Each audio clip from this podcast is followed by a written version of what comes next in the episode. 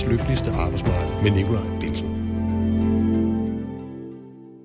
Ulvetider og skiftespor, det er titlen på en relativt ny bog af journalisten Paul Schmidt. Den har undertitlen LO på vejen mod fagbevægelsens hovedorganisation. Som der antydes, handler det om fagbevægelsens nyere historie. Bogen ligger for land med den seneste rigtige store konflikt, vi havde herhjemme, også kaldet Gærstrækken fra 1998, og slutter, hvor de to hovedorganisationer, LO og FTF, fusionerer. Imellem de 20 år er der en masse nedslag i form af korte kapitler, som beskriver arbejdsmarkedets Danmarks historie ved at belyse diverse begivenheder, stort og småt.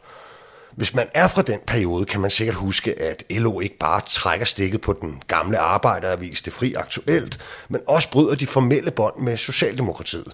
At SID ændrer navn til 3F, og vi faktisk har haft en række konflikter på det offentlige område, alle kredsende om mere løn til kvindedominerede fag. Det sidste lyder jo ligefrem bekendt. Vi anmelder bogen i dagens program, eller retter samtaler om en række af de begivenheder, som fandt sted og er beskrevet i den. Men vi trækker også tråde op til nutidens fagpolitiske debatter og højaktuelle temaer. Og til at hjælpe mig har jeg fået lukket en, som har været med det meste af vejen i hvert fald, og forskellige af årene sågar sad placeret i det, man vel kan kalde for maskinrummet af forhandlinger og beslutninger, nemlig Dennis Christensen, tidligere forbundsformand fra FOA og mangeårigt forretningsudvalgsmedlem i LO. Selv har jeg alle de år arbejdet som scenetekniker, og de fleste af dem har fornøjelsen af at være fællestillidsmand for selvsamme gruppe af offentlige ansatte 3F'ere. Det er sådan set stadig, men den næste times tid dog også jeres vært. Velkommen til programmet.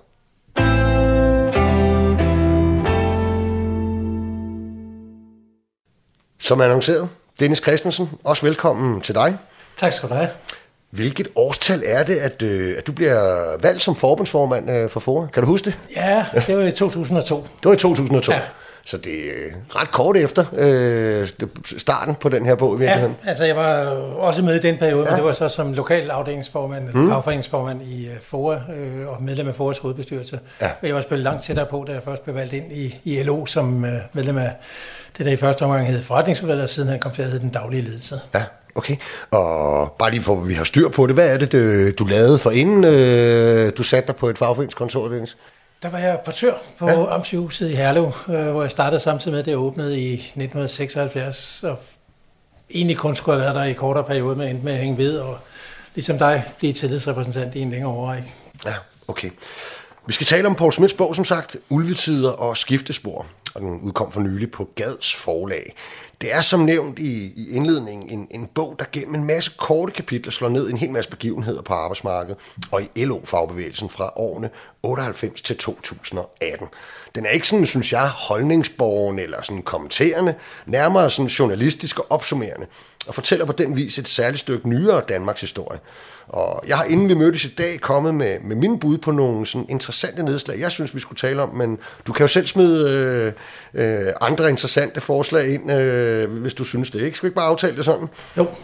Så må vi jo se, om, øh, om vi får talt os varme, og, og jeg skal i den forbindelse lige nævne, at vi har indspillet dagens udsendelse på forhånd, hvorfor man hverken kan ringe eller skrive ind til dagens program. Allerførst til overordnet, hvad, hvad synes du egentlig om, øh, om bogen, Dennis? Jamen, øh, jeg synes, Paul Schmidt skriver godt. Øh, jeg blev ret begejstret for ham, da jeg læste hans meget, meget store værk om øh, Viggo Kampmann. Øh, han øh, er i den grad journalist øh, og skriver formidler fantastisk mm. godt. Øh, så det er en fornøjelse at læse det. Det er en fornøjelse at læse det dansk, han præsterer. Det er meget komprimeret, ikke? Det er, som om, at han har fået let zoomet ind på alt øh, Ja, det let forståeligt og let tilgængeligt. Mm. Øh, og så adskiller den sig fra øh, de foregående værker. Øh, LO's historie er beskrevet i en del omgange senest her. Op til LO's 100-års jubilæum i 1998, der kom der sådan to ordentlige mobbedrenge, øh, der trak historien helt op tilbage fra 1898 og frem til 1998. Øh, der er den her helt anderledes. Altså, her der er der en journalist, der, der graver ned, mm. øh, og ikke kun øh, viderebringer den officielle historie. Han gør ja. virkelig rigtig meget ud af at, at prøve at kigge bag kulisserne. Mm. Øh, og der stikker han virkelig journalisthovedet frem og siger, jeg, man kan tydeligt se, at han har læst en masse referater fra hovedbestyrelsesmøder og forretningsudvalgsmøder, og han har snakket med en del, øh, kan man også øh, forstå på teksten. Men, men han er altså også nede og kigge på, hvad er det for, hvad er det for ting, der ligger under overfladen. Og det, det gør det ekstra interessant, fordi noget af det kender jeg jo så også til fra, fra min tid i, i LO's daglige ledelse. Og det er jo ret sjovt, ikke? fordi ja. altså, det, kan, det kan selv jeg jo faktisk skrive under på, at lige præcis, du er lidt ældre end mig, Dennis, men, men altså lige præcis de her årstal, øh, som bogen omhandler, øh, altså jeg sad i 98, der sad jeg i bestyrelsen i det, der dengang hed ECD, i Lager og Handel, øh, som for øvrigt organiserede portørerne på Rigshospitalet. Det var altid meget ja. mærkeligt, at det var de eneste, hvis nok portører i landet, der ikke var medlem af FOA. Ikke? De, sta- de statslige hospitaler, ja, de havde ja, lidt mere. Ja fysioriske hornbækker. Så ja, nu, nu er der lavet en, en aftale ja. der, øh, de, de er i FOA nu faktisk. Øh. Men, men jeg synes jo, det er sjovt, fordi jeg tror faktisk, det er noget af set sådan over en periode, der er så lang, så er det noget af, sådan, af det Danmarks historie, jeg har læst, hvor jeg jo kan sige, jamen, altså, jeg har været, jeg har været tillidsvalgt i, i alle de år der faktisk, og også øh, direkte involveret i nogle af tingene. Altså, ikke? Og det, jeg synes, det er meget sjovt at læse sådan noget i hvert fald. Ikke? Jamen, det er det også, og jeg, jeg synes, han slipper, han slipper rimelig godt fra det. Ja. Der er selvfølgelig nogle ting, man, jeg måske ser lidt anderledes på. Jeg, jeg er i den specielle situation, at jeg har skrevet på mine egne erindringer i overvis, ja. øh, og nærmer mig snart afslutninger. Jeg har skrevet om den her periode, ja. så det er sådan lidt sjovt at se, hvordan han griber den anden. Øh, okay, og det gør han anderledes, end du er i gang med? Ja, det, det skal han jo også gøre, fordi han beskriver LO's historie, mm. hvor jeg beskriver min historie, mm. øh, herunder min historie i og LO. Ja. Men det er trods alt... Øh, Men kan du se noget i nogle af de nedslag, der er, hvor at, øh, du tænker, okay, det er faktisk ikke... Øh, den vinkel havde jeg egentlig ikke... Øh Ja, han, har, han har et par steder, hvor han har fået fat i nogle informationer, som jeg ikke fik på okay. det tidspunkt, øh, som jeg synes, det var, da, det var da egentlig sjovt, han lige også har den detalje med. Så det er godt arbejde også. Ja, ja, altså ja. ganske glimrende arbejde. Jamen, jeg er faktisk fuldstændig enig. Jeg synes, vi skal tage fat i, ja, i virkeligheden der, hvor, øh, hvor bogen begynder. Det synes jeg er det mest øh, oplagte at gøre. Ikke? Øhm, storkonflikten i 98. Og jeg sagde jo indledning, det var vel den sidste rigtige store konflikt, vi har haft. Vi har haft konflikter for udvalgte grupper og områder, primært, øh, eller faktisk kun øh, på det offentlige område. Øhm, det er den sidste også store konflikt på det private arbejdsmarked, øhm, som kører, ikke? Øhm, og som jo altså ender med et regeringsindgreb øh, fra Socialdemokraterne, men jo som har sit udgangspunkt i det her krav om en ekstra ferieuge. Og vi kan ligesom komme tilbage til, hvor det ender, men, men allerførst, øh, hvordan husker du egentlig øh, den store konflikt?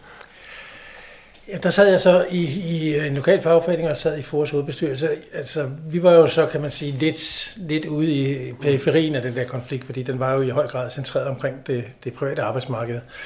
Øh, jeg husker den som en konflikt, der sådan aldrig rigtig fik øh, luft under vingerne. Øh, det blev sådan Ja, det med, at det blev galt gærkonflikt, når danskerne hamstrede gær, og der blev importeret gær mm. i umådeholdende mængder, øh, er sådan set og et meget godt billede. kom flyvende ja, over med, ja, med gær øh, ja, til danskerne. Ja. Det er sådan set et meget godt billede på en, en konflikt, som, som aldrig rigtig kom til at stå krystalklart på, hvad, hvad er det, øh, fagbevægelsen vil øh, med den her konflikt. Mm. Øh, vi har klassisk vel haft konflikter engang i årtierne, en gang per årti. Øh, det er det faktisk, som du selv siger, den sidste, og vi har ikke rigtig haft oplæg til nogen den, den periode, han beskriver her, øh, og som jeg så også har været med i LO, er et eller andet sted sådan en defensiv periode. Mm. Altså, vi, vi har været trængt på mange ledere kanter øh, som fagbevægelse. Øh, og det illustrerer den konflikt også. Okay, altså, men det er jo egentlig meget interessant. Det er jo faktisk et, et, trods alt et offensivt krav. Konflikten gik ud på, at man ønskede det, man jo egentlig godt kan kalde en arbejdstidsnedsættelse. Øh, helt konkret på, at man ønskede sig en, øh, en ekstra uges, øh, den, den 6. ferieuge, som vi kaldte den. Ikke? Ja. Det var det, man ville have. Øhm, da konflikten, jeg er enig med dig i, at den, øh, det, det blev hurtigt sådan en konflikt, mange kiggede på, altså mm. i hvert fald ikke, og det er det, man kan kalde for en kolonihave-konflikt. Mm. Nu lokalt i min øh, fagforening, der, der valgte man så faktisk at bruge den øh, sådan ret, øh, ret aktivt til at øh, til for eksempel at organisere, mm. organisere op til, altså dem, der ikke ja, var medlemmer ude på arbejdspladserne, der var jo mange, det har vi jo også set inden for det offentlige, når, når, når en konflikt rykker nærmere, så kommer der lige et par ekstra indmeldelser øh, til fagforeningen, så det brugte vi det til, men også da den stod på, så gik man simpelthen ud og forsøgte at organisere områder. Vi gik ja. ud og fik organiseret hele det, der hedder Grøntorvet i København, som dengang var et rigtigt grøntorv. Altså, der lå alle lagerhallerne, og det var der, ja, ude i Valby, og det var der alle, øh, alt grønt øh, til København, som skulle fordeles videre, det lå der, og det havde været helt kopperterland, blev det kaldt dengang, ikke? helt uorganiseret, og der fik vi overenskomst med samtlige firmaer derude, under en meget voldsom aktion, hvor stillagsarbejderne simpelthen lukkede hele grøntåret. Og hvis man er fra Jylland, så skal man vide, at grøntåret var stort i Valby. Det, rigtig, rigtig stort. Det var, det var mange porte, ja. de, de kørte stillagsbiler ind foran. Så man brugte det jo til den slags. Ikke? Men, øhm, men, men, men det blev også en konflikt, som jeg tror er den sidste af sin slags, vi kommer til at opleve. Altså, okay. den, den sidste af de konflikter, hvor øh, det hele foregår bag lukkede døre. Mm. Altså det der, Ja, medierne var der ikke på det, samme måde. Ja, men det er også den måde, man førte forhandlinger fra arbejdsgivers side og fra, fra lønmodtagers side. Det her billede af, der står nogle jakkesæt foran mm. en, nogle glasdøre, eller nogle Kommer ud en seng i tungetræ- nattetimen, døre, ikke? og de øh, ja. går ind, og så går der tre uger, nu gik der ikke så lang tid, men så, så kommer de ud igen og har øh, en eller anden løsning. Nu blev det et regeringsindgreb i stedet for, men det blev, tror jeg, den sidste, hvor, hvor, øh, hvor vi vil se, at øh, lønmodtagerne ved så lidt om, hvad der foregår. Hvis vi kigger på de konflikter, der siden har været på det offentlige område, så har de jo i den grad været præget af, at der har været rigtig meget kommunikation. Mm. Vi er også blevet skældt ud for det, for at kommunikere, også af det private. Ja. Men, men jeg tror ikke, der vil være nogen, der vil være i stand til at gennemføre en ny konflikt, som, hvor man bare forventer, at det må lønmodtagerne finde sig i, at det er ledelsen finder ud af her. Ja. Øh, og de må vente med at vide noget, Ja, ja, indtil, øh, indtil ledelsen kommer ud af Og måske var det også derfor, det blev, som du, du først øh, andrager, en, en, en sådan lidt en kol- kolonihavekonflikt. Mange var hjemme øh, og tog det som lidt ekstra ferie, mens de var på konfliktunderstøttelse, ikke? frem for at være til, til Mm. kæmpe store demonstrationer og sådan noget. Det var der jo ikke i den stil. Noget, noget jeg synes var interessant, det var faktisk, øh, hvis man skal trække tråde til nogle af de andre sidenhen, det har vi jo dog oplevet, øh, regeringsindgreb også, så var det jo, selvom man som vanen tro var meget vrede fra, fra fagbevægelsens side på det øh, regeringsindgreb Nyrup laver, så var det jo trods alt et eller andet sted, hvad kan man sige, det havde dog en, en, en, en, en større balance end nogle af de indgreb, vi har set sidenhen, som bare ensidigt har ophøjet arbejdsgivernes øh, krav til lov nærmest. Så det der jo faktisk skete var, at øh, ja, lønmodtagerne sagde en uge, det er fem arbejdsdage, ny opgav to. Mm. Øh, det, var, det, var, det var faktisk det ikke, øh, man gjorde, som man kan sige. Jo, jo. Der var måske en større balance i det, i hvert fald end noget af det, vi har set sidenhen. Ja, det er rigtigt. Vi har ikke set indgreb sidenhen, hvor, hvor der ligesom er blevet lagt noget ovenpå. Nej. Øh, der har det typisk været mailingsforslag fra forlisinstitutionen, som øh, er blevet ophøjet til lov, som man kalder det, altså, som man har taget og sagt, ja. så er det det, der skal være, være gældende fremadrettet. Men, men jeg, jeg, jeg tror, at øh, Poul Schmidt er en lille smule inde på det. Øh, det virkede lidt som en konflikt, LO i virkeligheden slet ikke ønskede. Mm. Eller i hvert fald stærke kræfter i LO slet ikke ønskede. Og det virkede også som et indgreb, man i virkeligheden gerne så. Mm. Der kan det minde lidt om sygeplejerskekonflikten øh, her sidste år. Øh, der var det efterhånden også tydeligt, at sygeplejersledelsen, sygeplejerskernes ledelse sådan set ikke kunne se nogen øh, vej ud af det her, hvis ikke Folketinget greb ind. Det, jeg havde den samme oplevelse der i 98, at det her, det var, man var snublet lidt ind i en konflikt, og man ville gerne reddes ud af den igen. jeg synes, noget, der er altid interessant, det er, at, det er, at efter, øh, efter konflikter, så, så kan det nogle gange faktisk godt være sådan, at den overenskomstforhandling, man laver efterfølgende, den, den er meget bedre, end den, man egentlig konfliktede om. Ikke? Fordi ja. så er det som om, at så er arbejdsgiverne lidt mere, ah, vi må hellere undgå en, en konflikt, og man har afstemt tingene måske også i virkeligheden bedre på forhånd. Deler du den øh, analyse? Jo, altså det kan vi, hvis vi går baglæns i historien, så kan vi se rigtig mange tilfælde, også på det offentlige område, hvor en øh, forudgående konflikt fører til, at øh, man opnår nogle bedre resultater uden konflikt ja. i den næste overenskomstfornyelse. Og også på det private før, den her 85, Ja. ja. øh, øh, 87 er en god overenskomst osv. Ja, Jeg tror, det samme ville være sket på det offentlige område efter 2018, mm. hvis ikke vi havde fået corona, Corona. som gjorde, at det Ja. blev sådan en, en helt, Det er helt atypisk øh, situation, og en situation, Ja, det er hvor meget det var rigtig håbløst at forestille sig en konflikt. Ja. Ja, det- hvis, man skal, hvis man skal pege på et eller andet, der måske også er interessant, så er det egentlig, at, og det, det har jeg egentlig faktisk også først tænkt over, da, da jeg læste bogen, at det er vel egentlig den sidste for det første konflikt, men måske også øh, lidt det sidste, vi hører til sådan for alvor, hvor der er lidt væk bag ordene, fordi sandheden er jo, at, at hen ad vejen, så får man jo skrabet flere feriefridage til sig, og vi har- får det også gjort ved de offentlige forhandlinger, så i dag har vi de facto den 6. ferieuge, ikke? Jo. Øhm, det, det får man jo faktisk. Det er jo faktisk et krav, der lykkes at, hen ad vejen og få, få indfriet. Danskerne har den 6. ferieuge. Men det er så også det sidste, vi hører til arbejdstidsnedsættelse i, i Danmark som for alvor. Det, det har ikke rigtig været, synes jeg, på dagsordenen fra fagbevægelsens side, sådan dybfølt. Nej, altså, der har været lidt tilløb til det, ikke? og lidt forsøg på at få sat det på dagsordenen, men, men grundlæggende så har vi vel, øh, som jeg sagde lidt tidligere, vi har været trængt øh, sådan noget i defensiven, og ikke mindst i defensiven på spørgsmålet om mangel på arbejdskraft, øh, hele debatten om større mm. arbejdsudbud, øh, øh, og, og hele det her øh, setup, øh, som har handlet om, hvordan får vi folk til at arbejde noget mere øh, og blive noget længere ja. på arbejdsmarkedet.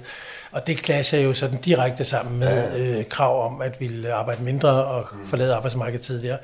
Så jeg tror, at, at, øh, at der, det, er et af, det er et af de steder, hvor man kan se, at, øh, at vi har ikke været øh, rigtig, vi har ikke har været i offensiven som sådan. Vi har været, vi har været presset stærkt af mange forskellige årsager, som vi sikkert kommer ind på ja, den næste Ja, der er måske også den model, at det ikke har været så dybfølt fra kollegaerne og medlemmerne. Altså, der, har måske ikke, der har ikke været et stort pres derude fra at rejse øh, det krav, hvis du for eksempel sammenligner med kravet om mere i løn og, og, og, og pege på nogle andre ting, ikke?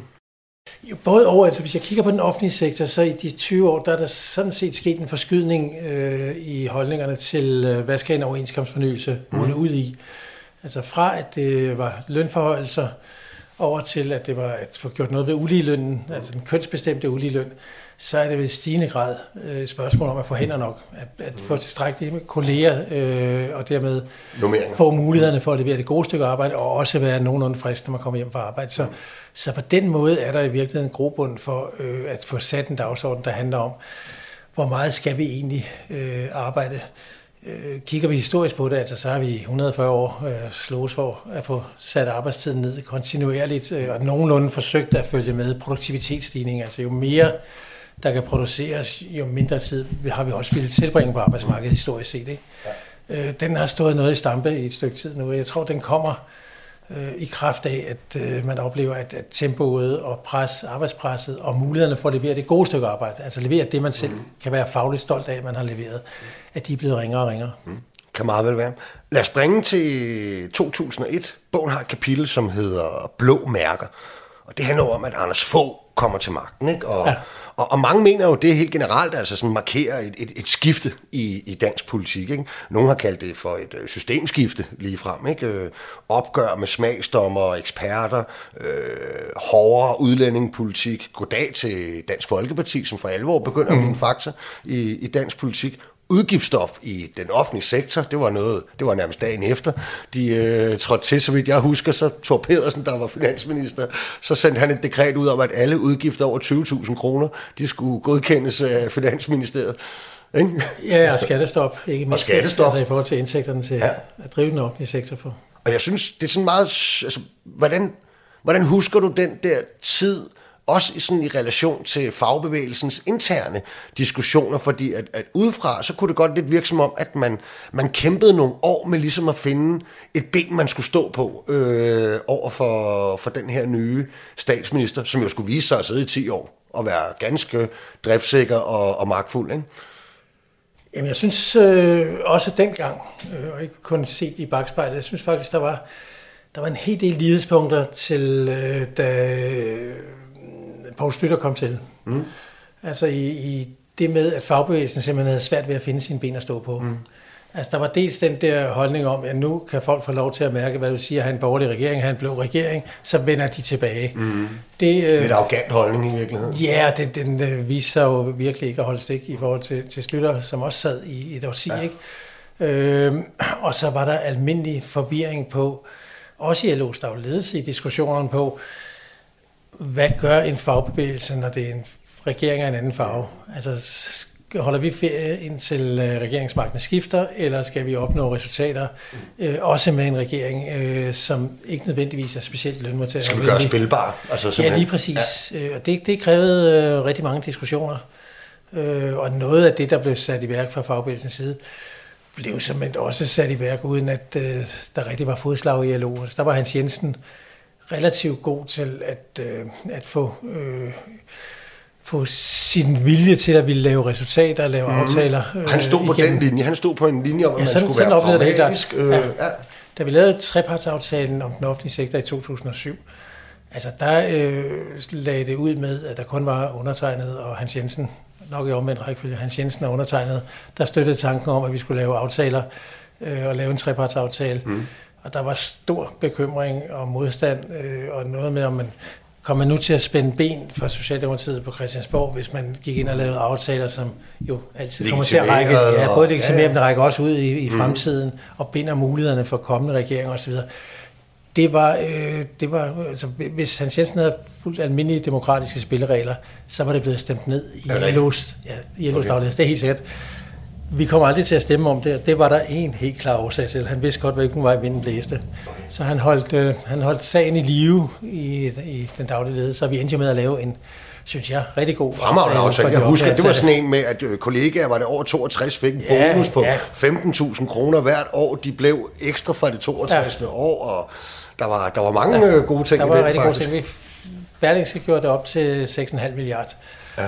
Øh, der blev hentet hjem på den, så det var, det var en rigtig god aftale. Så det var godt konkret i virkeligheden. Ja. Ja. Fagforeningsarbejde, kan man sige, og forhandlingsarbejde, der var der. Ikke? Og hvis, hvis, man, hvis man tager den over til sådan et andet kapitel, der jo er, øh, som hedder Farvel til partiet, fordi at en af de ting, der jo sker under få, og allerede viser sig i 2001, det er, at ikke bare et flertal af danskerne ønsker Anders Fogh som statsminister kontra Poul Nyrup Rasmussen, øh, et flertal af danske lønmodtagere for første gang, måske i, i 100 år, øh, stemmer faktisk øh, borgerligt. Altså, Ja, men den ekstra lille krølle på, som, som øh, Paul Schmidt også har med, nemlig at uh, i de forbund, som var absolut mest krigeriske over for, for den borgerlige regering, der var det også der, der var det største flertal af medlemmer, der, der i virkeligheden havde sat deres stemme med den regering. Altså, altså her tænker du på 3F ECD øh, dengang? Ja, og, og, ECD og, og, øh, og øh, Metal, ikke? Mm. Som, som de typiske eksempler. Ja. Ja, det, det, det er faktisk meget Ja. ja. interessant, jo ikke? Jo, øh, absolut. Øh, men, men det hænger jo så i virkeligheden jo også sammen med, at øh, Hans Jensen jo introducerede tanken om at øh, reformere LO øh, og fik gennemført den øh, ekstraordinære kongres i 2003, som jo er hele forudsætningen for øh, at kunne agere anderledes øh, under den her regering, end man traditionelt havde gjort under borgerlige Ja, regeringer. og det er det jo faktisk, altså i virkeligheden, når kapitlet hedder Farvel til partiet, så det der jo egentlig altså, sker, ikke, det er jo, at, øh, at Socialdemokratiet og LO-fagbevægelsen kapper de, øh, de formelle bånd. Altså sådan den faste, der foregik jo stadigvæk efterfølgende en vis pengestrøm, men, øh, men den faste strøm af penge, øh, som bare ligesom øh, lå der, stopper, og frem for alt den gensidige repræsentation i hinandens forretningsudvalg. Ja, dem, dem var røget i 90'erne. Den var allerede røget der. Ja. Altså, der øh, også fra Socialdemokratiets side et ønske om at stå lidt mere frit i forhold til fagbevægelsen. Ja, fordi det er jo en af de ting, Paul Schmidt Ja. faktisk tegner op. Ja. Ikke? Var, var det egentlig et ønske fra, fra LO om at stå mere frit, eller var det Socialdemokratiet, der egentlig gerne ville lidt væk? Jeg tror, det blev til at være gensidigt i den sidste ende. Okay. Altså, jeg kan huske, Hans Jensen på et tidspunkt øh, i debatterne om det nye LO og den her kongres, vi skulle have, og kunne vi nu blive enige om, at vi ville droppe øh, sådan den gamle arbejdsdeling, som jo indebar, at Socialdemokratiet stod for Christiansborg-politikken, så fulgte LO den. Til gengæld så stod LO for arbejdsmarkedspolitikken, og så fulgte Socialdemokratiet den. Altså, da, da den skulle droppes, og LO skulle stå på egne ben, også i forhold til at have et selvstændigt værdigrundlag, og selv træffe beslutninger om, hvad man mente, også om det, der var Christiansborg-politik, der, der siger han på et tidspunkt til os, hvis I tror, at der var nogen som helst, noget som helst samarbejde mellem LO og Socialdemokratiet i Nyrups årti, så tager I fuldstændig fejl. Er rigtigt? Yes. Ja. Han var godt nok træt af øh, manglende indflydelse for LO i de, i de 10 år. Og med til historien hører jo, det er jo der, hvor at, at Lykketoft især er meget øh, aggressiv med Ja. en, en række reformer som øh, finansminister. Det er der, hvor man faktisk cutter dagpengene ned fra 7 til 4 år Ja. i et hug. Det er der, hvor man laver halve dagpenge for unge under 25, hvis ikke de er påbegyndt en uddannelse, og ting man jo ville have raset imod, hvis en borgerlig regering havde gjort det, ikke? Lige præcis. Øh, og, og, altså det, det er et af de områder, som Poul Schmidt ikke gør så meget ud af, men som jeg øh, af naturlige årsager interesserer ja. mig en del for, fordi det er den offentlige sektor og velfærden. Altså vi får jo i virkeligheden nogle sådan hovedtendenser under øh, i de her 20 år, mm. hvor jeg vil tænke, at den ene tendens, det er det her med, at øh, Socialdemokratiet og, og, og LO øh, adskiller sig fra hinanden. Mm. Øh, den næste, det er, at, at øh, de øh, unge generationer, der kommer ud, kommer ud øh, med en helt anden øh, holdning, øh, og i virkeligheden bliver individualistiske. De bliver i mine øjne ikke egoistiske, men, men de vil behandles som individer, og den går fuldstændig hen over hovedet på os i fagbevægelsen i en lang årrække, øh, og jeg vil sige, at vi har knap og nap øh, rigtig indstillet os på det nu. Og så som det sidste, så får vi udløberne af alt det, der foregik i 98 og 99 på velfærdsområdet. Mm. Det gør Paul ikke rigtig så meget ud af, men altså, det var der, hvor, hvor kampen stod øh, op gennem slut 90'erne i Socialdemokratiet og i LO, mm. om øh, de bløde områder. Skulle man kunne udlicitere øh, ældrepleje, sygehusvæsen, øh, omsorgen for udsatte grupper, handicappede osv. Det, der blev kaldt stregen i sandet. Øh, og den, den, øh, den ryger, øh, den bliver godt nok vedtaget og bekræftet på Socialdemokratisk Kongres, men den ryger i virkeligheden også med fagbevægelsens hjælp. Og i virkeligheden, så øh, det er ikke et citat fra Paul, men, men det er fra min egen tankevirksomhed. Mm. I virkeligheden så er det det, der skaber grundlaget for, at Anders Fogh kan gå øh, så massivt løs øh, på velfærd i sin første regeringsperiode. Mm. Han bliver jo anderledes i sin anden ja, regeringsperiode. Men i sin første regeringsperiode, der tager han i virkeligheden den øh, politiske strømning op, som Socialdemokratiet og fagbevægelsen har lagt op til, til. Ja. og som var tanken, at den skulle ny op have videreført. Ikke? Så han samler i virkeligheden noget op, som nogen har lagt sporene ud til, mm øh, og som gør, at at både fagbevægelsen og Socialdemokratiet fik jo pokker svært ved at håndtere det, fordi en del af det var der altså deres eget tankegods, som, øh, som få samlet op og, og gjort til sit. Jeg kan huske, jeg var jo, øh, jeg var jo aktiv i det faglige ungdomsarbejde på det tidspunkt, og vi førte jo kampagner imod øh, Nyops øh, halvering af dagpengene øh, for de unge under 25 med argument om, jamen så er det jo bare næste gang de unge under 30, det gjorde få. Øh, ja. Og vi førte også kampagne imod dagpengeperioden fra ned fra 7 til 4 med argumentet om, at så bliver den jo bare sat yderligere ned igen øh, til 2. Det blev den så også. Så, så vi havde faktisk ret i vores argumenter. Og I var sikkert også på banen omkring efterløn overgangsordningen, så okay. ej, det var måske ikke så meget, jeg i Ej, det, det, det, det, tog de gamle, så ikke? vi skal lige nå kort, Dennis, ja. øh, et, øh, et kapitel, som hedder Gul Champagne, mere fordi det er jo en virkelig skældsættende ja.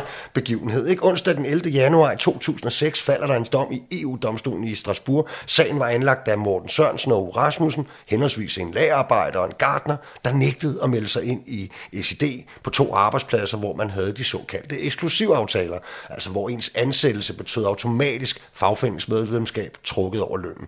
Øhm, og sagen havde jo simret det juridiske system i overvis øh, for inden. Nogen mente jo lige frem, at den, den faktisk var sådan anlagt som sådan en slags agentprovokatør, ikke? Øh, for det kan også sagtens være. Ja, altså. Øhm, men i hvert fald så ender den jo altså med, at de får, får medhold, og, og det må jo kaldes den skældsættende begivenhed, der, der altså fører til måske i virkeligheden, øh, sammen med så en masse lovgivning under, under få omkring de tværfaglige A-kasser, at vi for alvor begynder at se, øh, at der kommer ekstra fart på, på hvad hedder det, på tab af medlemmer ikke, for LO-fagbevægelsen. Det starter før jo. godt i, i slut 90 96. Det er i hvert fald med, altså ja, LO's medlemstal knækker der i fra 95 til 96. Ja, ja. Øh, os nogle år senere, men, men det er der, den knækker for alvor. Øh, indtil da havde vi jo kun oplevet, hele, i hele min tid og i årene før, havde vi jo kun oplevet, jeg tror tilbage til 20'erne måske, der var et knæk, men ellers havde vi kun oplevet sådan, nu kan man ikke se det, men jeg prøver at vise sådan en start kurve opad, ikke? Altså, vi fik jo bare medlemmer, og vi foretog stort set intet for at få ja. Logikken, logikken var jo simpelthen, jo flere der kom i beskæftigelse, jo flere medlemmer fik ja, LO. lige præcis. Altså, så enkelt. Men, men eksklusivaftalerne, synes jeg, at det er et trist kapitel i LO's øh, historie, fordi det illustrerer en af LO's grundlæggende svagheder, øh, vores grundlæggende svagheder mm. i LO, nemlig, vi er ikke hundens gode til at øh, agere på forkant Øh, vi bliver tit og ofte overhalet af udviklingen. Øh, og man skulle ikke være professor for at forudse, at de der eksklusive aftaler, som omfattede under 10 procent ja. af dem, der var på arbejdsmarkedet, at de ville ryge på et tidspunkt. Mm. Det, det, der var så meget palaver og ballade omkring det, så de ville på et tidspunkt ryge. Og var jo røget mange år for ind i det offentlige. Ja, vi, vi må slet ikke have det. Det var i strid med ligebehandlingsprincippet, ja. øh, hele forvaltningsprincippet i den offentlige sektor. Øh, men, men det betyder, at man i stedet for at forhandle sig ud af dem og få noget for dem, så skulle vi tæskes øh, med dem. Og det var med til at skabe en stemning, og det er der, jeg synes, du ret. Det var med til at skabe en stemning af, at nu er der jo virkelig frihed, og nu skal vi virkelig øh, ud og blaffe med vingerne på, hvor vi kunne tænke os at være medlem, eller måske slet ikke være medlem. Øh, og det, det, det er sådan en af de ærgerlige ting øh, ved os i fagbevægelsen, det er det der med, at vi, vi skal altså alt for ofte have tæsk øh, før vi øh, bøjer nakken, øh, når vi kunne have forudset det, og lige så godt have undgået det ved selv at tage fat på det. Og så, så gik det altså, som jeg nævnte før, hen over hovedet på os, at de unge fik en helt anden indstilling, øh, og ikke bare per definition ville opfatte sig selv som fugle, der fløj i flok, mm. men, men øh, gerne ville marchere i takt, hvis der var en grund til det. Men hvis ikke de kunne se en grund til det, så var der heller ikke nogen grund til, at man skulle marchere i takt. Der var vi simpelthen alt for lang tid om at øh, komme i gang med at tænke måden at være fagforeninger på helt anderledes, der kunne modsvare de unge generationer kom ud. I virkeligheden så var det jo en, det var en dunderende succes for os, at uh, uddannelsessystemet skabte unge kritiske væsener, som var kritiske over for alt, altså mm.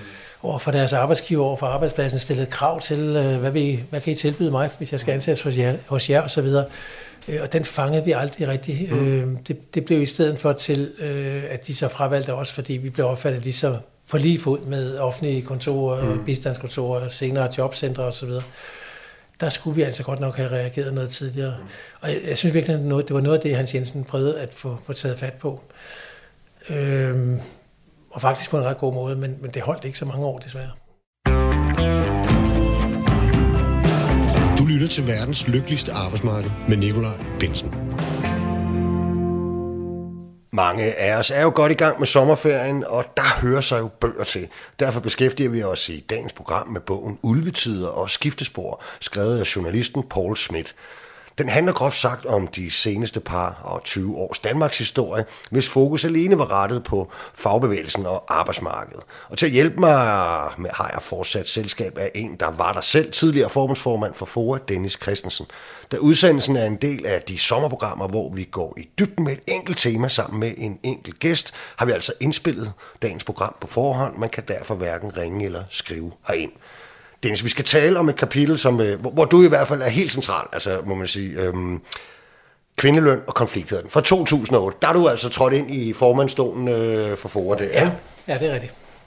Øhm, og egentlig er selve optakten til den her sådan, offentlige konflikt, at der var fuld damp på kædlerne i dansk økonomi. Ikke høj beskæftigelse, lav arbejdsløshed, stærk økonomi, aktionærer, direktører og virksomhedsejere, der tjente styrtende med penge.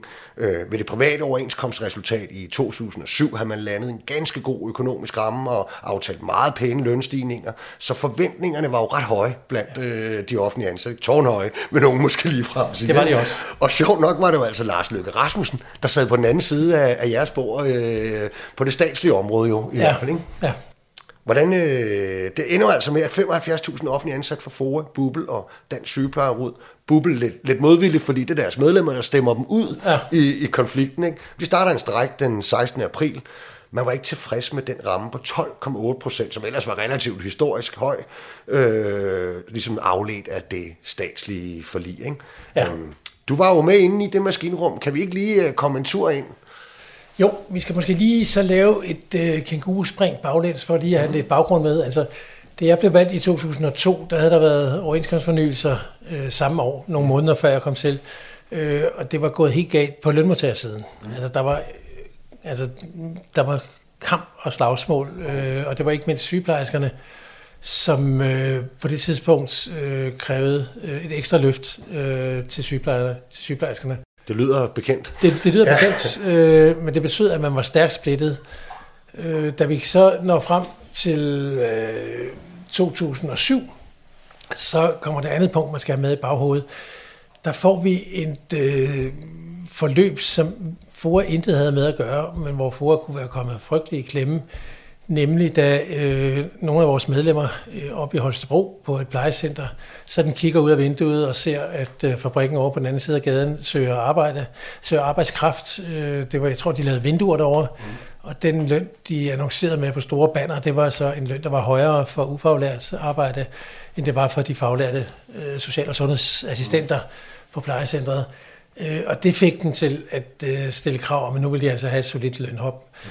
Øhm, og det bredte sig øh, meget hurtigt øh, i løbet af den sommer hen over hele landet. Øh, vi havde demonstrationer, strejker, øh, massevis af former for øh, måder at aktionere på, møde op på byrådsmøderne og så videre, så videre. Fik en fantastisk opbakning.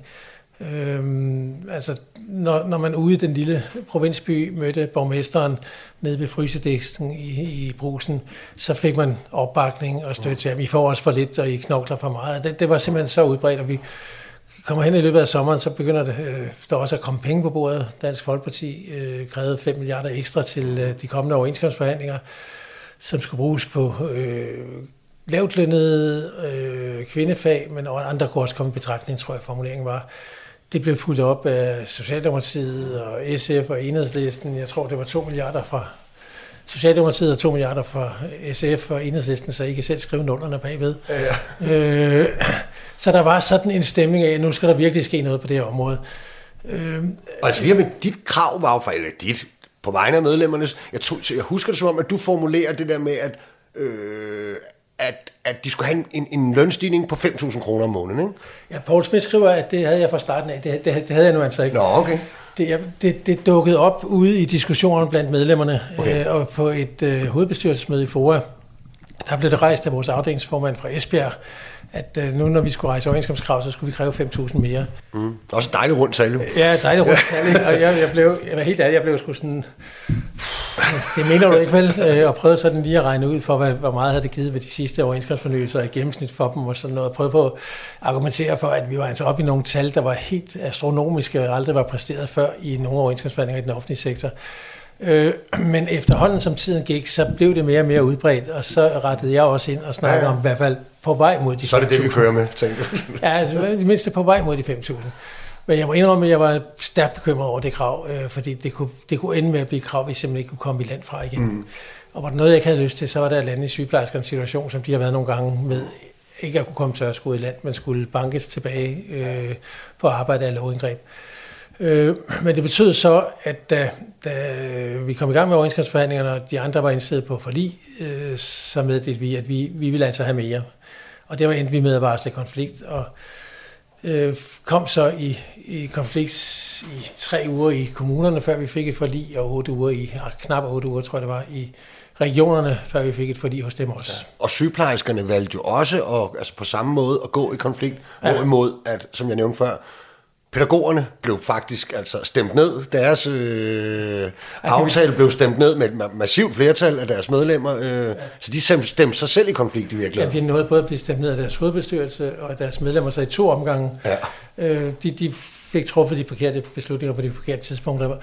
Og det gav den helt absurde situation, at da vi så gik i arbejde i kommunerne, så skulle... Øh, Pædagogerne starte deres Ja, så gik øh, pædagogmedhjælperne og dagplejerne i arbejde, og så skulle pædagogerne på de samme institutioner som pædagogmedhjælperne så i konflikt.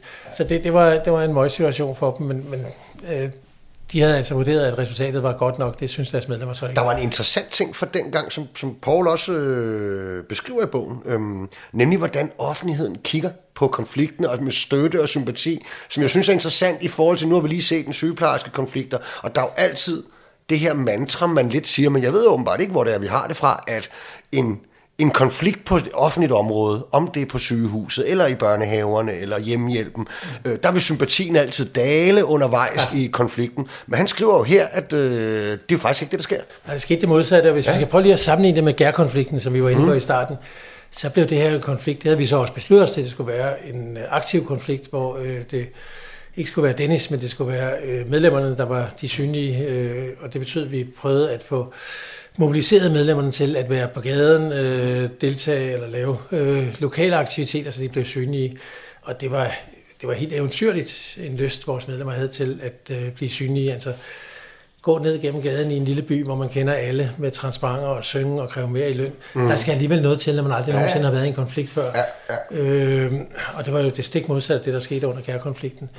Men, men det betød, at øh, der var en enorm opbakning øh, blandt medlemmerne, øh, og den opbakning var der også i befolkningen, og det er helt rigtigt, som Paul skriver, vi lavede øh, ikke selv meningsmålinger, men de meningsmålinger, andre lavede, viste, at uge for uge, så steg opbakningen i den danske befolkning, og det var jo helt, altså jeg startede med at sige, vi er nødt til at være indstillet på, et, vi må under ingen omstændigheder få lige, lige i gåseøjne på mm. bordet. Der må ikke ske noget. Det var lavet vi en hel masse initiativer for at undgå, at der var nogle mennesker, der kom alvorligt i klemme. Mm. Øh, og to, vi skal indstille os på, at jo længere konflikten varer, jo mere øh, taber vi øh, opbakning fra den danske befolkning. Det var en helt forkert antagelse fra min side. Mm. Det, der skete det modsat. Den, den voksede, øh, og, og, og vi havde øh, virkelig en fantastisk opbakning til kravet. Øh, også for, for sygeplejerskerne, som var i konflikter. Det var jo også sammen med, med Sundhedskartellets øh, medlemsorganisationer.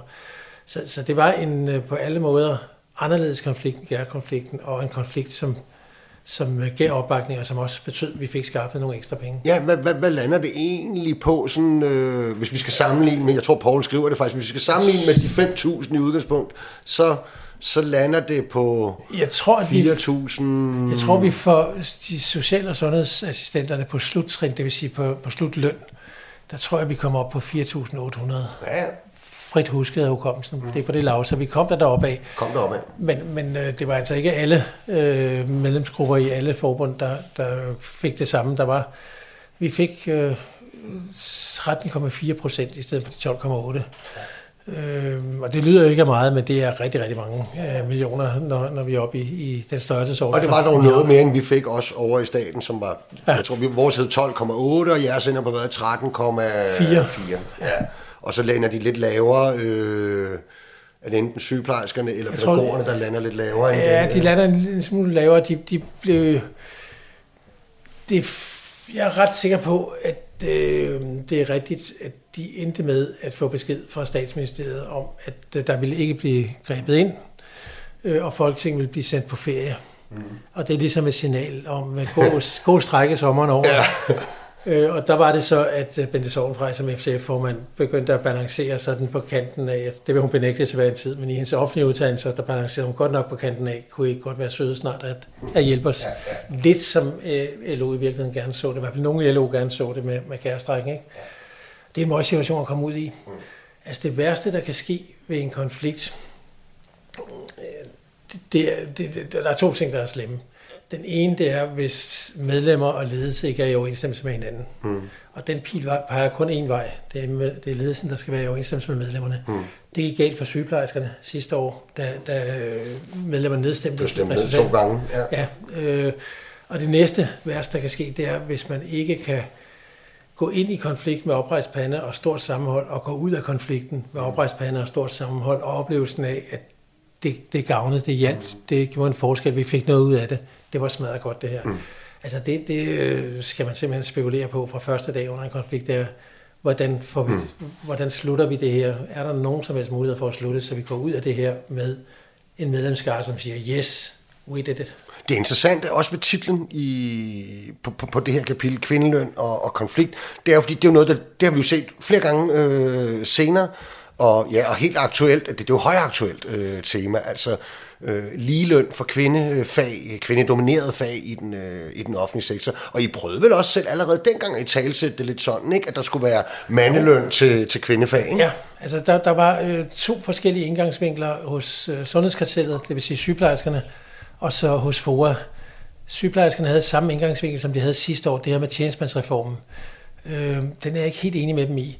Øh, vi valgte det med øh, mandeløn til kvindefag, fordi vi ikke kun ville kigge på, hvilke lønninger var der mellem mandegrupper og kvindegrupper i den offentlige sektor, vi ville kigge over hele arbejdsmarkedet. Mm. Øh, og det, man kan sige, den, den, det gode eksempel, det er det her med, hvorfor øh, får man mere for at reparere øh, vores bil, end man gør for at passe vores mor. Ja. Øh, og derfor så vil vi have en, en bredere dagsorden. Vi kunne jo ikke blive enige med sygeplejerskerne og fore imellem om, øh, om nogen som helst ting i forbindelse med den konflikt. Det var, det, var ikke, det var ikke så heldigt. Det ville have været dejligt, hvis vi kunne have gjort det på samme måde, som vi gjorde i 2018. Mm. Øh, men, men i forhold til det med tjenestemandsreformen, altså så måske lige to om den, øh, den er Paul er lidt inde på det også. Altså der er en udbredt misforståelse, at den er blevet mindre, eller større og større misforståelsen i takt med, øh, at sygeplejerskerne har markedsført synspunktet. Mm. Tjenestemandsreformen er et øjebliksbillede. Det er sådan en polaroidkamera af øh, lønforskel mellem mandefag og kvindefag. Industriens kvinder havde på det tidspunkt i 70 år været ringere lønnet end øh, de mandlige kolleger. Mm. Øh, tydene det kvindelige tyne i husene, altså i herskabslejlighederne og på landet, var lavere lønnet end det mandlige tyne. Vi har haft kønsbestemt ulige løn i rigtig, rigtig mange årtier. Så derfor er det rigtigt, at tjenestemandsreformen cementerer det, eller mm. formaliserer lønforskellene, men det stammer ikke derfra. Det stammer fra, at historisk, det er et patriarkalsk samfund, det er mænd, der har styret det her samfund, det var mænd, der skabte arbejdsmarkedet, det var mænd, der skabte overenskomsterne. Øh, kvinderne turde ikke kræve, de industrikvinderne turde ikke kræve ligeløn i mange årtier af frygt for, at... At de ikke få øh, arbejde. Så, ja, så, så, så vil der blive ansat mand i stedet for, ja. og det daværende LO, de samvirkende fagforbund, øh, rådgav dem også om det. Så altså, hvis I ikke stiller det krav, så bliver jeg erstattet af mandlig arbejdskraft. Hmm. Så det er et meget ældre problem. Øh, men du, du har ret i, vi, vi gjorde det til mandeløn til kvindefag til, øh, til et hovedtema for os vi er jo et blandet forbund i forhold, så der er også nogle mandegrupper, rene mandegrupper. Øh, for eksempel. Øh, så der var der også grupper hos os, som sådan knurrede lidt og sagde, øh, betyder det, at mandegrupperne slet ikke skal have Øh, og der måtte, vi, der måtte vi tage diskussion og sige, at det vi gør denne gang, det er, at vi siger, at alle skal selvfølgelig have øh, en forhøjelse, men der skal en særlig forhøjelse til de kvindedominerede fag. Hvis vi lige spoler tiden frem til 2013, og et kapitel, der hedder Den utrolige lockout, ikke? Ja. Øhm, det er jo også noget, der i virkeligheden markerer et stilskifte, må man sige, øh, synes jeg i hvert fald. Ikke? Altså her bliver der jo for alvor introduceret tankegangen om, at effektiviseringer i den offentlige sektor godt kan betales af, øh, af forringelser øh, for de ansatte. Ikke? Altså at udgiftssiden øh, til løn, den simpelthen er noget, man kan lege med, om, øh, om man så må sige. Det, det er bare min oplevelse og analyse af det. Ikke? Øh, og den starter ja. lidt med, med lærer lockouten ja. i, i 13, ikke? Yes. Lige den del gør, gør Paul nok heller ikke så meget ud af, men han gør noget, en del ud af selve konflikten, mm. øh, men, men lige præcis det der med, at det er jo bygget på øh, det, vi kaldte efterfølgende for Corridon-doktrinen, mm. altså det du selv siger, at øh, overenskomstfornyelser er en del af en regeringsudgiftspolitik. Mm. Og det var jo lige præcis det, de gjorde. Øh, de besluttede sig for, at de ville have en skolereform, og den skolereform skulle delvis finansieres ved hjælp af de offentlige, eller folkeskolelærernes arbejdstidsregler. Aftalen, ja. Og der, her snakker vi altså et halvt år før overenskomstforhandlingerne skal føres. Så, så de var i virkeligheden inde og stjæle pengene fra et forhandlingsbord, mm. hvor lærerne endnu ikke var kommet ind De ved så kort sagt en folkeskolereform, som kun kunne lade sig gøre, hvis man øh, ændrede i lærernes arbejdstidsregler. Ja, hvis man fjernede deres, ja. deres arbejdstidsaftaler. Og, øh, og derfor blev de lockoutet. Lige præcis. Og sidenhen efter længere konflikt og dramatiske forhandlinger, som i øvrigt, hvis vi skal trække tråden til 98, her ja. foregik forhandlingerne jo nærmest for åben tæppe ja. med TV2 News som, ja, ja. Øh, som kamera. Øh, der var en fantastisk scene, hvor øh, Michael Siel og ja. Anders, Anders Bondo kommer ud fra et mødelokale og ja. konstaterer, at de ikke kan blive enige. Og så lige pludselig, øh, så finder det ud af... Det er journalisten, der siger, hvad vil I sige til alle de danskere, der er nervøse for, at deres børn ikke kan komme i skole? Det, det ender med, at de går op og, og, og ja. siger, så siger, hvis Anders siger, at, at det har vi ikke svaret på, så går vi op og kender ja, så gik de op igen. det var virkelig fjernsynsstyret øh, forhandlingsteknik. Ja, det må man sige.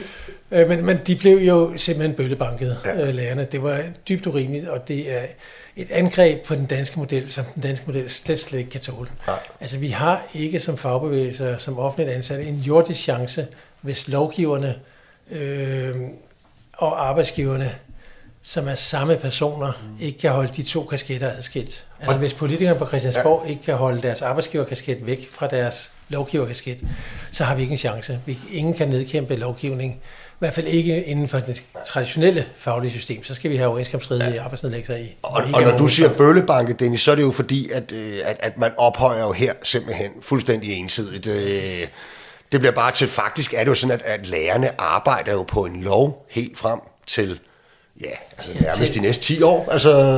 Ja, fordi det, det, de blev jo enige i 18 om at nedsætte øh, kommissionen, og ja. den, hvad barsler den i 20 måske? Ja. Øh, så det er jo først i 21, 20. vel de i virkeligheden får et egentligt aftalegrundlag. Ja. Næsten 10 år arbejder en, en, en gruppe på 70.000 ansatte i Danmark, ikke på en overenskomst, de ellers havde, men på, på simpelthen en lov. Øhm, og, det, og det er jo et vildt angreb på den danske model, og det undrer mig i at man i LO-delen af fagbevægelsen, altså der er jo altid, det ved du bedre end nogen andre, øh, de gør lidt grin med os nogle gange, de, øh, de private øh, ja. fagforeningsbosser, ikke? Ja. Øh, og det undrer mig alligevel, at de synes, det der var en rimelig øh, udgang på de ting. Ja, altså de blev, tror jeg, holdt relativt godt orienteret fra, øh, fra regeringen øh, undervejs, men, men men de valgte jo øh, den der indgangsvinkel, der hed, at lærerne havde altså rigtig gode vilkår, øh, og de måtte normaliseres, som jo også blev et regeringsudtryk, så de fik noget, der lignede det øvrige arbejdsmarked, hvad gik øh, arbejdstidsvilkår. Øh, og dermed gav de jo køb på det der helt grundlæggende om, at når to parter har aftalt noget på det danske arbejdsmarked, så er det det, der gælder, og så er der ingen, der skal blande sig i det. Vi, vi havde jo også diskussionerne i andre steder, øh, altså øh, FOA foreslog i vores forhandlingsfællesskab, at vi skulle varsle sympatikonflikt med lærerne i 13. Det har vi aldrig prøvet før. Vi skulle til at slå efter i lærebøgerne. Må vi og kan ja, ja. vi os på tværs af to hovedorganisationer. Vi må spørge LO, og de var i tvivl, hvad ved jeg. Men vi endte der, hvor, hvor de øvrige organisationer sagde nej. Mm. Øh, så foreslog vi en sympatikonflikt på skoleområdet. Vi, vi har sammen med BUPL øh, skolepasningsordningerne. Så kunne vi strække dem i det mindste.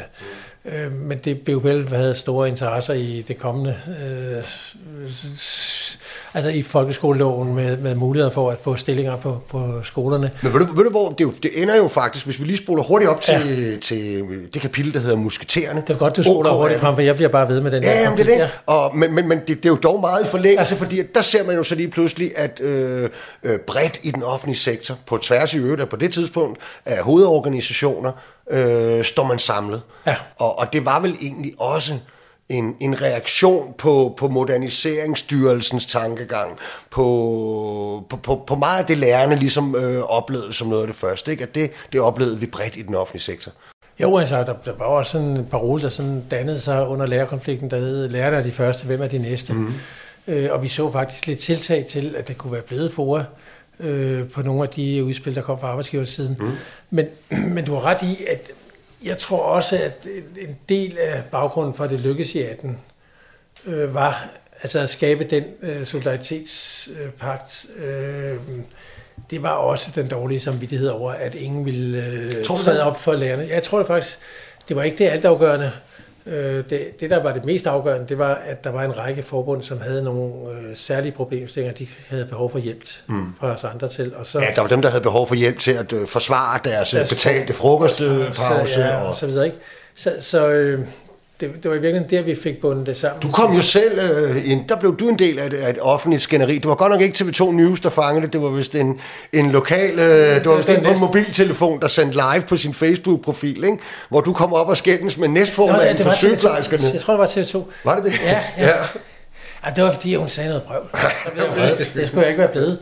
Det var fordi, hun sagde, da vi havde indgået det her forlig ja. øh, med regionerne, at, øh, at vi, var, vi havde forladt forhandlingsbordet, så sagde nej, det må du holde op. Ja. Vi havde siddet ja, der midt om natten, ikke? og øh, Grete Christensen pakkede sin taske sammen og gik i vrede. Øh, så det var simpelthen fuldstændig ude i hampen.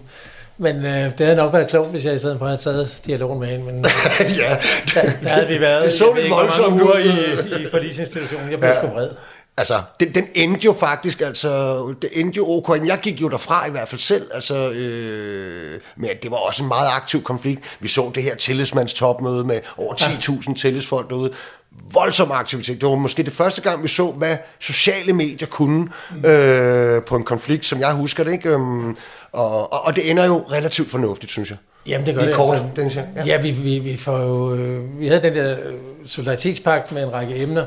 Vi kunne slå vinger ja. hver, og det var derfor, vi indgik for livet. Præcis. Og vi indgik det første, da lærerne selv havde fortalt os og sagde, det er okay. vi, har ja. en, vi har en plan B, mm. øh, nu vil vi i stedet for have den her kommissionsløsning. Og vi ventede lige indtil da, da de sagde det, så sagde vi, så vil vi have en ny forhandling med regionerne, og den øh, gik sygeplejerskerne så fra. Og om, så kørte vi det færdigt. Og midt under OK18, så, øh, så lægger LO og FTF sig sammen. Ja, og, lige præcis. Og, altså, og han beskriver det jo i kapitlet fra, i virkeligheden, hvor, altså optakten til det fra 15, ja. og, og man lægger det sammen. Var du øh, på den model fra start af? Ja, altså øh, jeg var tilhænger af det øh, også øh, længere tilbage. Øh, jeg synes, den øh, formulering, som Hans Jensen brugte meget tidligt, på, at Danmark er for lille til at have tre, tre hovedorganisationer. Ja. Er rigtigt. Altså, når vi kigger på det, så er vi altså et relativt lille arbejdsmarked. Øh, og vi har tre øh, hovedorganisationer, som øh, så på Christiansborg banker på døre og kommer med modsatrettede budskaber og prøver at rive hver sin arm på politikere for at gøre det ene eller gøre det andet. Der var brug for at få samlet kræfterne. Det ville ikke kunne lade sig gøre med akademikerne, men det kunne måske lade sig gøre med FTF'erne. Og så kom dertil, øh, men jeg synes, det var hovedargumentet, men så kom jo dertil, at LO var på vej ned, og FTF øh, var i en periode på vej op, og, men, men hen af det her tidspunkt, der holder de sådan nogenlunde den medlemsmæssige skanse, og, og vi kunne kigge ud over et arbejdsmarked, hvor flere og flere fik uddannelser, øh, der gjorde, at øh, de hørte til i FTF og ikke i LO. Mm. Så det var det rigtige tidspunkt at gøre det på. Øh, og det var så var jeg tilhænger også fra starten. Og det ender med, at det bliver vedtaget af, af begge hovedorganisationer. Ja, det, det, det, det trækker jo længe ud, fordi 3F... 3F havde lige... 3F et minut i 12 havde de lige nogle særkrav. Ja, ja, de, ja de, de sagde jo nej, jeg ved ikke, hvor længe. Stærkt forhandlet, ikke? Ja, de sagde nej, jeg ved ikke, hvor længe, men, ja. men og det var jo også grunden til... Er du også, når du kigger nu og ser lidt udefra, var det, var det den rigtige beslutning også? Ja, absolut. Ja. Altså, der vil, der vil jo opstå masser af problemer, men det var der også i, i LO. Øh, altså, LO rummede jo også faglærte og ufaglærte og mandegrupper og kvindegrupper og folk med relativt lange uddannelser også. Så, så øh, vi var simpelthen vant til, at der kunne være modstridende interesser, ikke? Dennis Christensen, det har været en spændende snak om en spændende bog, Ulvetider og Absolut. af Paul Schmidt. Tak fordi du ville øh, komme og tage os helt med ind i maskinrummet og gøre os klogere. Ja, tak. Og tak til jer, der lyttede med derude. Hvis du sidder med en god idé til et emne eller en debat, vi skal tage op, så kan du fange os på de sociale medier eller skrive en mail til arbejdesnabelagradio4.dk. Verdens lykkeligste arbejdsmarked er produceret af Rackerpark Productions for Radio 4, og dagens program det var produceret af Julie Lindhardt Højmark. Tak for nu, og fortsat god sommer.